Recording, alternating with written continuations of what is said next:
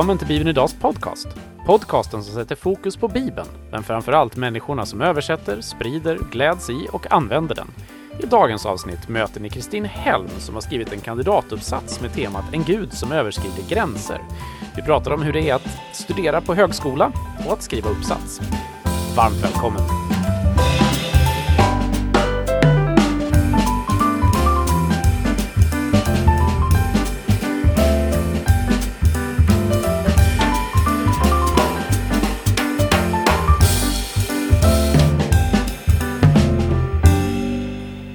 Varmt välkomna tillbaka till Bibeln Idags podcast. Och idag så har jag förflyttat mig till Johannelunds teologiska högskola och jag sitter här i ett av klassrummen tillsammans med Kristin Helm. Välkommen! Tack så mycket! Du, jag måste ju få presentera dig på det här sättet, jag vet inte hur ofta det händer, men du är alltså pristagare, din uppsats vann Lars-Olof Erikssons pris i exegetisk teologi. Eller något. Eh, I exegetik i alla fall. Mm. Du har alltså skrivit en kandidatuppsats här och vi kommer att eh, om en stund prata lite mer om vad den handlade om. Men jag tänker vi ska börja. Jag tror inte det är så hemskt många av poddens lyssnare som har hört talas om dig. Vem är mm. du? Jag är eh, en person, en kvinna på 30 år som är född i Arvika, ja. mestadels uppvuxen i Kristinehamn och i Lidköping. Mm. Eh, nu bor jag i Stockholm tillsammans med min man Heiner. Heiner är tysk, så innan vi flyttade till Stockholm så bodde vi i Nürnberg okay. i Tyskland ja. eh, ett tag. Och så flyttade vi hit för lite mer än tre år sedan. Och sedan dess så har jag studerat på Johannelund mm. och eh, sedan två år sedan nästan nu så, så jobbar jag deltid vid sidan av i vår församling som är Kungsholmskåren som okay. tillhör Frälsningsarmén i Stockholm. Mm. Okej, okay, så du går och studerar på EFS teologiska utbildning men du jobbar för Frälsningsarmén? Mm, precis. Hur har den vägen sett ut? Ja, lite, lite, ja vad säger man? Den, den har varit eh, gudaledd, tror jag. Det, ja. ja. Alltså jag, eh, ja, jag är uppvuxen i Frälsningsarmén. Okay. Mm. Eh, och efter gymnasiet så fick jag möjlighet att jobba i en Svenska kyrkan församling i Göteborg, mm. där jag bodde då. Och eh, under den tiden så ja, fick jag upp ögonen för, ja, men för ett annat samfund och fick upp många liksom, frågor i huvudet på eh, ja, men samfundsbitar och sådär. Och det väckte ett intresse också för mig för ekumenik, kan mm. man säga. Eh, och sen så eh, gick jag bibelskola i ett par år och under den tiden så väcktes ett intresse för teologi. Mm. Och så hörde jag liksom om, om eh, Johanne Lund när jag sen kollade vidare på hur jag skulle kunna studera teologi. Mm. Eh, ja. Och då är det alltid spännande tycker jag att fråga studenter, så, vad, vad, är, kanske du inte har något bra svar på, men jag provar. Vad är din, din plan? Varför började du studera teologi? Var det av vad ska jag säga, teologiskt intresse eller var det med ett särskilt jobb i åtanke? Eller mm. hur såg det ut? Alltså jag har, jag har ganska länge känt att jag har velat jobba som och vill jobba som pastor. Mm. Men sen har min, min bild av eller föreställning om exakt hur det ska se ut eh, sett lite olika ut och kan se olika ut beroende på ja. dagsform. så eh, ja, alltså jag gillar tanken på att alltså jag kan tänka mig att jobba som det heltid men, men också ha det vid sidan om eh, deltid sådär. Um, Ja, men, liksom, men, men längtan efter att plugga teologi har ju med min längtan efter att få vara, få vara pastor att göra. Mm, mm. Däremot, alltså i, det sammanhanget som jag är i nu så behöver inte jag någon, någon högskoleutbildning i teologi för att, för att kunna jobba i församling. Um, ja, men jag har ändå känt att jag liksom fått en längtan efter att, att få liksom en fördjupad och, och bredad liksom utbildning där. Mm. Både för att det känns nyttigt och för att det är roligt. Vad är det som är roligt då? För jag tror att en del som sitter och mm. lyssnar, ja kanske man lyssnar på den här podden är man väl intresserad i och för sig, men jag tror att många funderar så här, men teologi, det låter lite, lite insnöat eller mm. lite, lite smalt kanske till och med. En del vet jag läser ju för att man måste om man mm. vill bli präst eller pastor, men eh, medan andra då är av rent intresse. Så vad är det som är roligt? Alltså det, är ju, det beror ju på vad, vad man pluggar och sådär. Ja. Och mycket på vilka lärare man har också skulle jag säga. Men det som jag har tyckt varit roligt här är att man Alltså i, i, en kurs till exempel som de allra flesta på Johannelund läser när man börjar plugga eh, dogmatik så lär man ju sig liksom om, om olika frågor som är viktiga i kristendomen och hur de kan se ut och mm. liksom vara olika, ja men samfund till exempel eller traditioner. De kan se på sådana frågor. Och där så upplever jag att, att jag liksom fått hjälp med att se bredden på hur kristna kan, kan tänka olika. Mm. Men också vad kristna, vad som är liksom viktigt och vad som enar, enar oss som kristna. Så liksom att, att bli, få hjälp med att, att tänka och förstå hur, hur vi tänker lika och hur vi tänker olika tror jag är mm. jätteviktigt. Och det går ju hand i hand på något sätt, tycker jag det borde göra, med att förstå människor och hur människor liksom tänker och fungerar lika och olika. Mm. Så ja, eh, det är klart att allt inte är roligt hela tiden, nej, nej.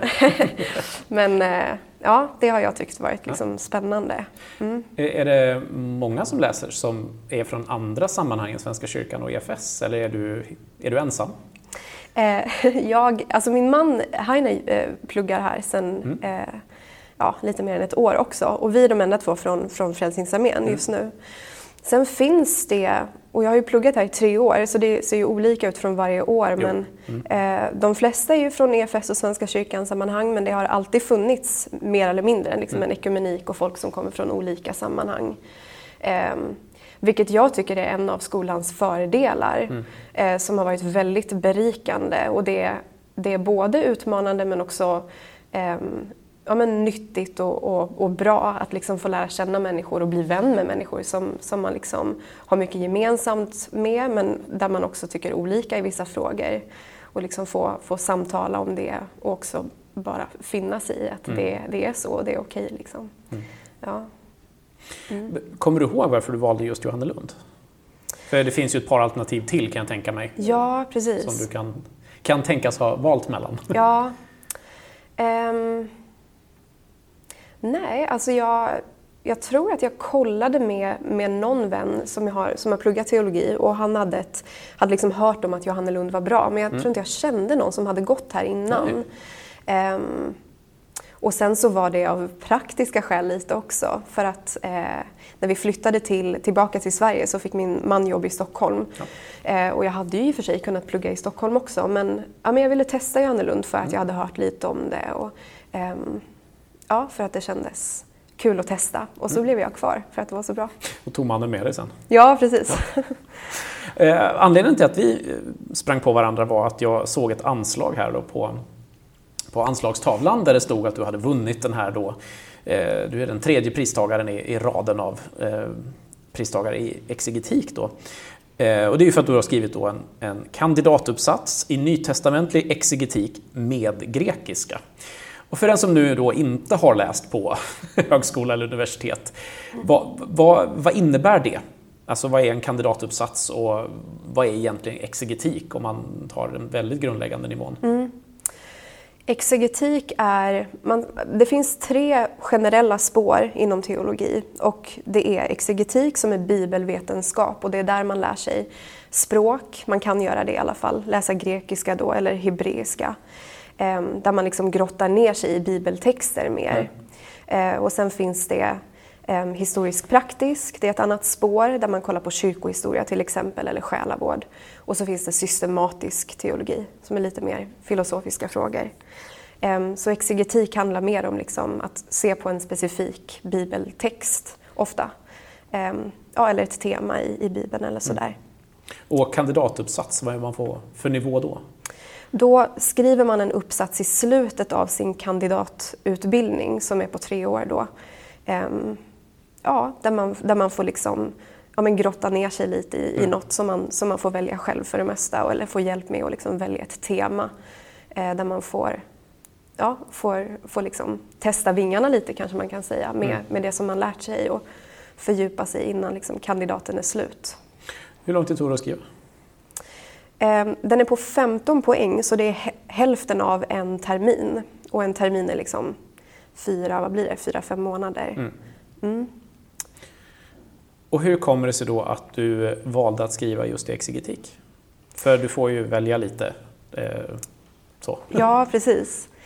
Jag valde det faktiskt för att jag kände att jag fortfarande kände mig ganska osäker på exegetik. Mm. Alltså tre år är ju, är ju en lång tid på ett sätt men precis som alla ämnen tänker jag som man pluggar så märker man ju när man börjar liksom öppna upp, det är som Pandoras ask, det liksom tar aldrig slut.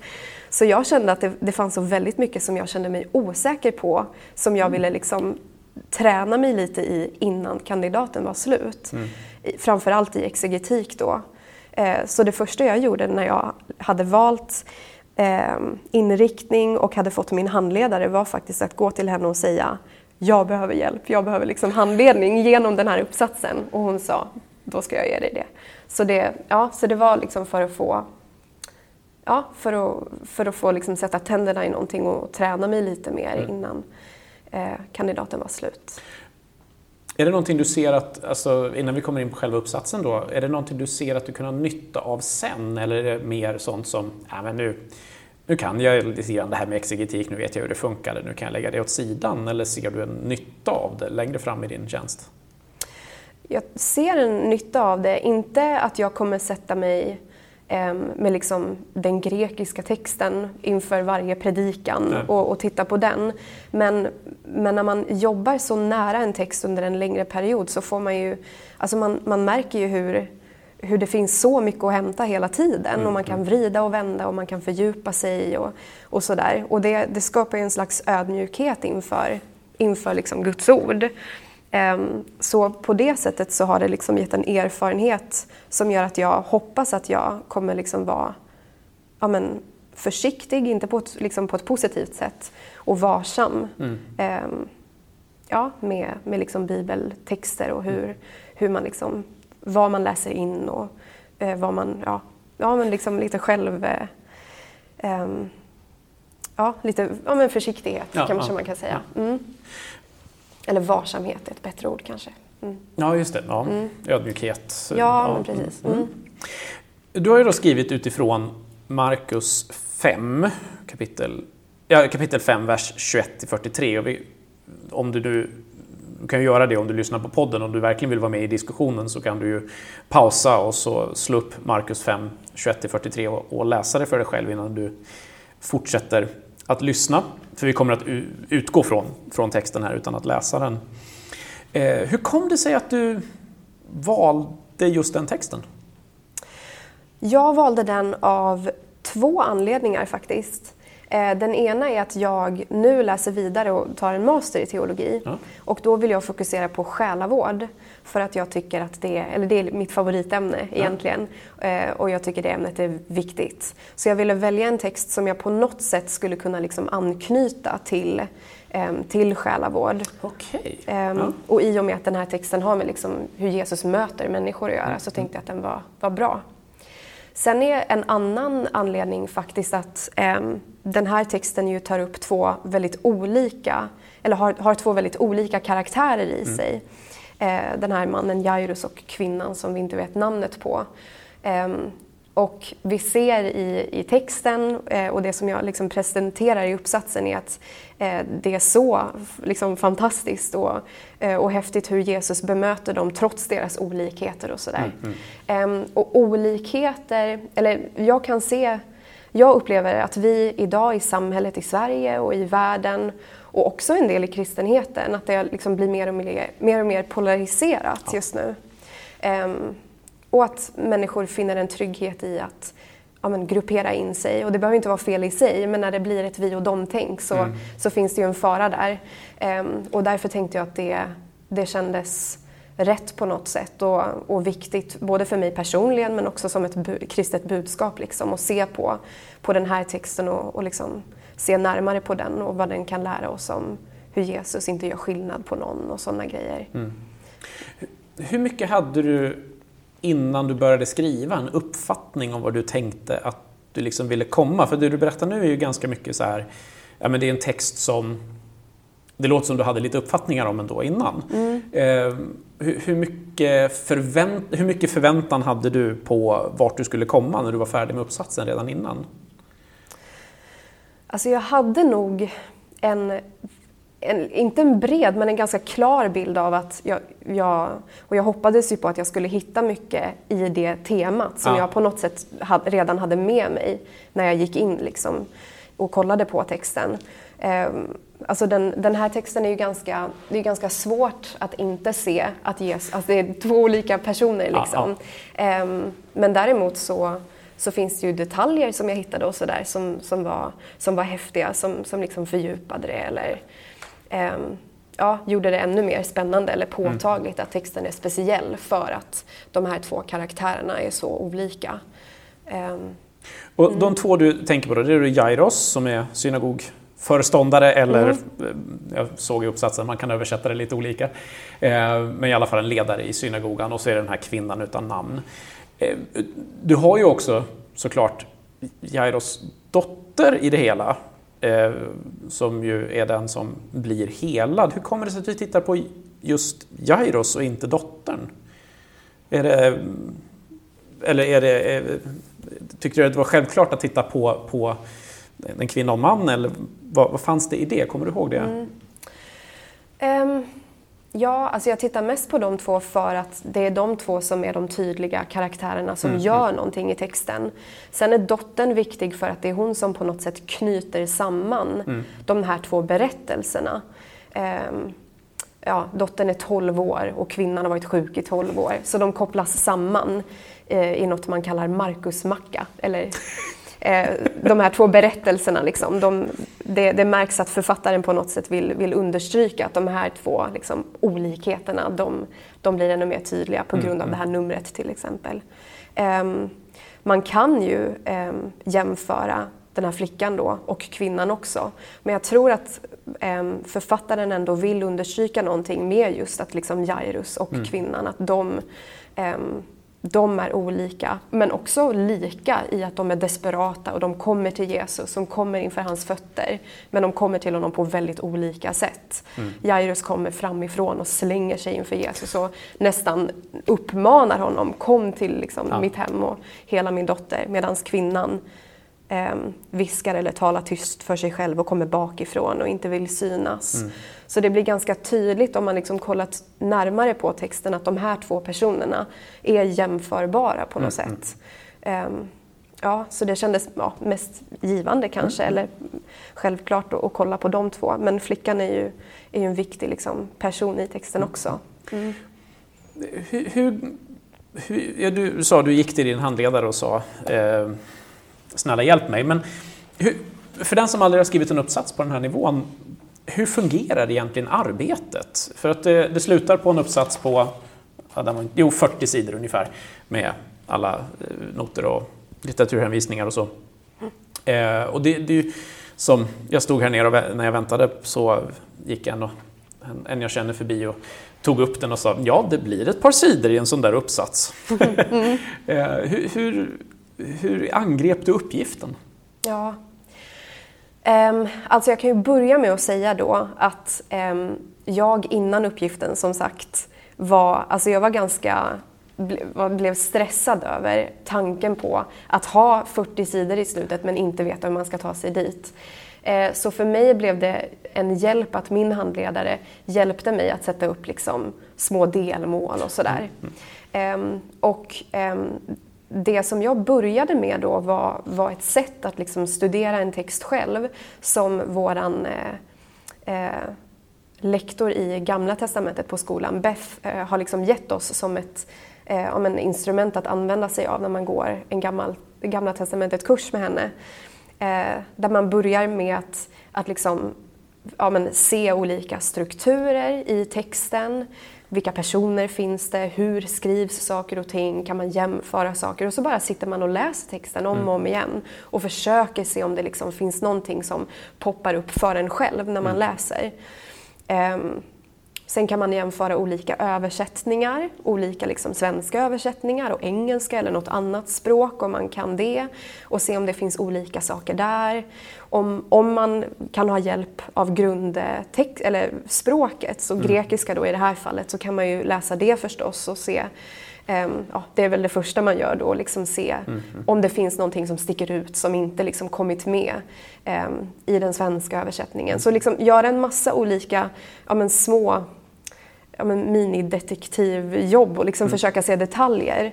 Ehm, så att man liksom börjar med att få en känsla av vad det finns för detaljer själv och ha någon form av liksom uppfattning ehm, innan man sen börjar läsa olika liksom böcker från, från andra personer som redan har studerat den här texten. Ehm, för det är klart att jag, jag skulle nog inte säga att jag har hittat något nytt i min uppsats, för det, det är ju så många som har, som har studerat den innan. Men däremot just det där med att man, man ändå på något sätt försöker hitta sin egen röst och liksom vad, men vad tycker jag är viktigt i den här texten. Ehm, och sen så får man då läsa andras, liksom, ehm, vad de har hittat och, och se vad som skiljer. Och kan man läsa olika ehm, olika personer eller forskare som läser ur olika vinklar. Någon som fokuserar på liksom befrielse och Ja. hur kvinnan blir befriad. Och, ehm, ja, socialt, alltså sociologi, vad händer där? Eller politiskt. Och det finns olika liksom, vinklar att ta. Ehm, men just det där tycker jag är en bra, liksom, en, en bra grej som, som Beth hjälpte, hjälpte mig med och, och liksom uppmanar i hennes, i hennes lektioner. Att, att försöka liksom hitta vad man själv tycker sticker ut och sådär i början. Ehm, ja, det är väl där man börjar och så får man liksom bygga på och läsa mer utefter tiden. Var det någonting i det studiet som stack ut för dig? När du gjorde det? Sånt där som det där fastnar du i. Ja, ehm, ja, det var ju lite olika saker men ehm, en sak som jag tyckte var ganska häftig var att ehm, när kvinnan, alltså nu kommer lite grekiska in som jag inte ska försöka förklara det enkelt för min egen skull också för att jag har glömt så mycket, det har bara gått några månader. Men, ehm, när, när kvinnan liksom önskar, om, eller säger liksom för sig själv, om jag bara skulle kunna få röra Jesus Ja. mantel så blir jag, så blir jag frisk. Eh, då, om jag minns det, alltså hon säger så bli, skulle jag bli helad. Ett ord som oftast översätts till att bli liksom helad. Ehm, eh, och det, det skulle liksom kunna förstås då som en, liksom en holistisk bemärkelse, eller till, att bli, till och med betyda bli räddad. Och sen så, så Mer används... än bara det fysiska så att Ja, säga. precis. Ja, precis. Ehm, och senare då i, i texten när vi läser om hur hon faktiskt rör vid Jesus mantel så står det inte samma ord där utan det står ett annat ord som, som för det allra, allra mesta bara översätts till att bli fysiskt helad, alltså hon blev frisk. Däremot så kommer samma ord som hon använde i början, om jag bara kan få röra honom så blir jag helad, holistisk bemärkelse. Det kommer tillbaka sen när Jesus ber om att få se och träffa den som, som rörde vid honom.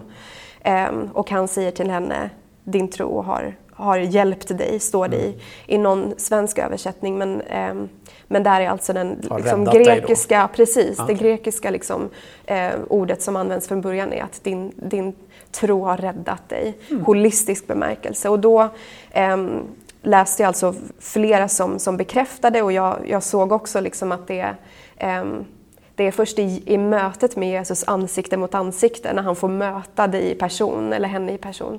Det är då som, som hon blir liksom helad till fullo på något sätt. Ja, hon blir frisk när hon rör vid honom, men det är just det där mötet som Jesus inte vill, vill liksom, han vill inte låta henne bara gå, utan Nej. han vill verkligen möta henne och det är då som hon blir liksom upprättad till fullo på något sätt. Mm. Och det tyckte jag var häftigt för att det är ju verkligen har en liksom ja, men, det finns ju en människosyn och själavård i liksom, bara i ett sånt litet liksom, användande av ord. Ja. Och det är sådana grejer som är så häftiga att, att hitta Mm. när, man, när man studerar en text så här. Sen blir ju då flickan frisk eller uppväckt. Är, kommer du ihåg vilket ord som används då? Är det samma? Är, är holistiskt helad eller är det, det kanske är uppväckt? Det kanske är ett tredje ord? Du, det vet jag faktiskt inte. Det kommer jag inte jag ihåg. nyfiken? Ja, Ja, då har vi något vi får gå vidare med. Ja, verkligen. Får skriva en till uppsats. Ja, precis. Exakt. Ja. Ehm, Du har, eh, uppsatsen har som titel En gud som överskrider gränser. om hur en insider och en outsider blir inkluderade i evangeliets gränslöshet. Mm. Varför detta tal om gränser?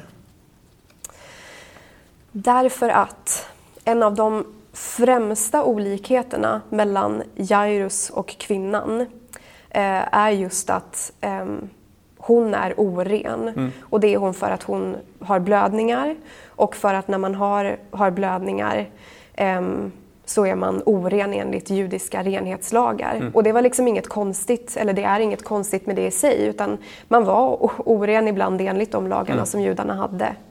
Um, men sättet som, som hon hade varit sjuk och oren på under en så lång tid mm. gjorde att hon um, inte kunde röra sig i liksom sitt religiösa eller sociala sammanhang på samma sätt. Mm. Så det gjorde på något sätt att hon blev ja, men utstött. Mm. Och det finns också saker som pekar på att, eh, att en, en liksom känsla för orenhet, alltså intensiteten steg på något sätt med åren. Och det finns, eh, det finns till och med tecken på att många eh, trodde att, att man var ehm, vad heter det, förbannad ja. om man hade varit oren så länge. Då måste det vara någonting som är fel. Liksom. Ja, um, så väldigt mycket tyder på att hon um, hon var en utstött, hon var mm. en outsider som, som ingen ville ha att göra med av rädsla för att själv bli oren och ja. själv liksom bli, bli en sån som hon. Jo men det fanns ju i, i lagarna finns, finns det absolut den delen att orenhet överförs. Ja, så det, men precis. det är ju inte alls konstigt ja, att de tänkte så. Nej, just det. Ja men verkligen. Ja. Mm. Um, Ja, så hon är en outsider och om man ser det i ljuset av Jairus då som, som uppenbarligen inte var det för att han kunde vara en synagogföreståndare och mm. eh, han hade ett namn. Mm. Eh, han, är, han är känd i texten på något sätt, vilket är motsatsen till vad hon är.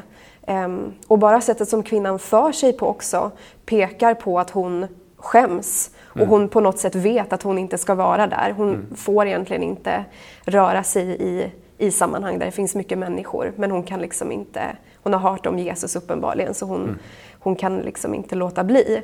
Um, men att hon på något sätt vet att hon inte ska vara där syns genom hur, ja, men hur hon för mm. sig och, och smyger sig fram och, och inte egentligen vågar komma fram till Jesus först men sen tar hon mod till sig. Liksom. Um, så renhet och orenhet är något som jag liksom har, ja, men fördjupade mig i för att det är liksom den, den främsta olikheten mellan de här två. Um, och det man ser hos Jesus är ju att han um, ja, men han verkar inte bry sig om, eller han bryr sig inte nej, om nej. att hon rör vid honom eh, och han helar henne. Mm. Precis som han helar så många andra mm. i evangelierna. Um, och det här visar ju att Jesus Alltså hans uppdrag var ju att, att föra helandet till människorna ja. istället för att helighet som judarna trodde från början var någonting som behövde bevaras och liksom mm. hållas en, alltså borta från det som var orent. Mm. Så kommer Jesus nu och liksom sprider Guds rike och sprider Guds helande genom att liksom mm. vara mitt ibland, mitt i smeten. Liksom. Eh, och det är ju så eh, det är så liksom upp och nervänt. Mm. Um, så det blir ju, ja, det, det är ett sånt tydligt liksom budskap. Um, men det går samtidigt så, så liksom rakt emot vad judarna visste och, och liksom trodde mm. om vad, vad, Guds helighet, vad det innebär och att vi måste vara rena som folk mm. för att liksom, kunna stå inför Gud. Men nu kommer liksom Gud till folket. Mm. Och, um, jag kan, ja. verkligen inte, jag kan inte låta bli att fundera på liksom folkmassan runt omkring. För att om nu man blir oren genom att röra vid någon oren och så har Jesus rört vid de här orena. Mm. Och så ska han hem till synagogföreståndaren. Alltså, mm. ja, här är ju, han bär ju med sig den här orenheten och samtidigt så helade han. Alltså, mm. Det är så mm. många delar där som ja, är verkligen. verkligen spännande. Ja, och det häftiga är ju att Precis, för vi ser, ja men det är spännande att du säger det, för de står ju sen, eh, står det i slutet av texten, människorna utanför Jairus hus, eller runt om där, var förbryllade ja. för att äh, flickan hade blivit helad. Um, och det är ju naturligtvis för att flickan blev helad men förmodligen också för att de tänkte, men hjälp, nu kommer han och nu har vi hört att han har precis rört en oren kvinna och men hur ska det här gå? Och så kommer han in i vårt hus. Och, ja. ja det finns ju mycket liksom, ja, många perspektiv där. Men, mm. men så, så, så, renhet och orenhet är ju absolut ett tema här. Det är ju, men men du, just gränsöverskridandet, alltså, vad, vad, tänker du att det är för gränser han går över? Eh, det, är just, det är klart att, att, att gå över renhets... Eh, vad ska jag säga, lagarnas gränser är väl en sak, men är det andra gränser han trampar över också? Ehm, det är framför allt gränserna som har med renhetslagar att göra som jag ja. tänker på. Ehm, men sen så, så går jag också in lite på att de här lagarna ehm, har, alltså av, av rädsla för att, för att på något sätt mista sin identitet kanske man kan säga som judiskt folk mm. i den liksom hellenistiska och grekiska kulturen som de fann sig i så, så, så verkar det som att många som var liksom hängivna judar som, som ville ja, men som ville göra det som Gud hade uppmanat dem till. För dem var det väldigt viktigt med renhetslagar mm. eh, och att liksom följa Guds vilja på något sätt. Eh, men det hade liksom lett till att lagarna i sig blev det som var viktigt. Um, och i det, alltså när man följer lagarna för mycket men inte ser människorna runt omkring, mm, mm. då sker ju en sån sak som sker i den här texten, att kvinnan som på något sätt har fallit utanför systemet för att hon har varit sjuk så länge, mm. hon, hon glöms bort och hon vilket syns i den här texten att hon, man vet liksom inte ens vem det är. Ingen mm. bryr sig om henne för att man vill på något sätt rädda sitt eget mm. eh, skinn, eller vad man säger. Så, och det är ju någonting som, som inte är enligt Guds vilja, vilket vi ser i Jesus, att han, ja. han överskrider de här gränserna då för att inkludera alla människor. Um, ja, också de som finns på andra sidan av de här lagarna, som var något gott, men som har liksom blivit ett sätt att eh, ja, men att för, fördela människor och, och, säga vem som är inne och ute och vem som har sitt på det torra och, mm. och sådär. Um, Ja. Mm. Man vill ju gärna som predikant då ta steget till, finns det motsvarigheter idag? Jag menar, mm. Vi följer ju inte renhetslagar på det sättet som, som kristna, men skulle du säga att det finns liknande... Vem skulle vara kvinnan i, i, i dagens samhälle?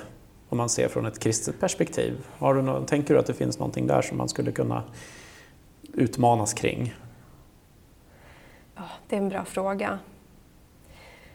Alltså jag tänker att det alltid fin finns människor som, är, som känner sig utanför, mm. eller som är utanför.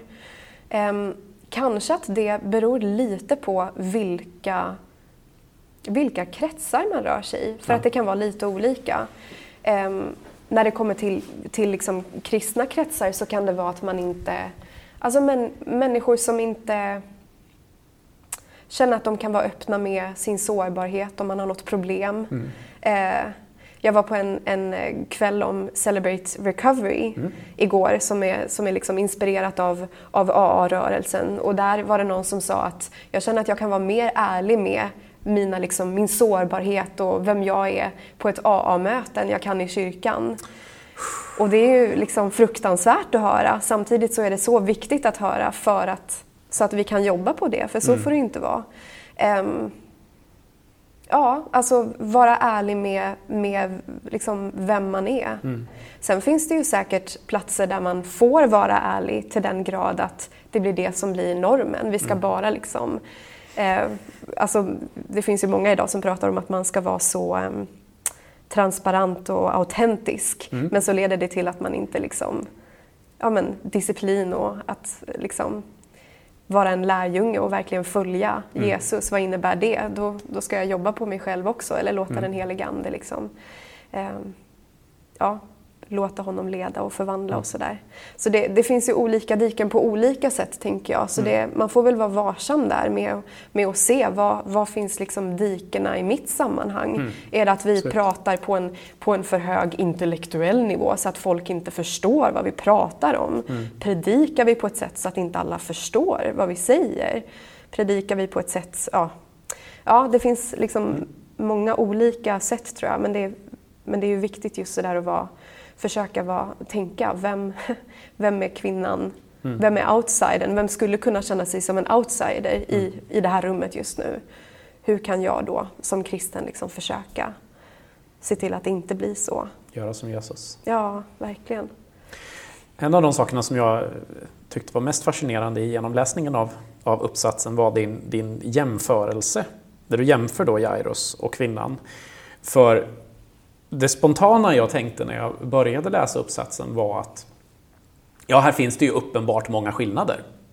Ja, men det, det är man, det är kvinna, det är känd, det är okänd, det är ja, men som, som du har sagt här, att de kommer rakt framifrån med någon slags eh, auktoritet eller bakifrån utan någon som helst auktoritet i samhället och så vidare. och så vidare. Men du hittar också en del likheter mellan dem. Mm. Och det var jag inte riktigt så här, ja just det, jag har inte tänkt på likheterna. Mm. Eh, vad, vad, har du några, några exempel du vill ge på, på likheter mellan dem? Mm.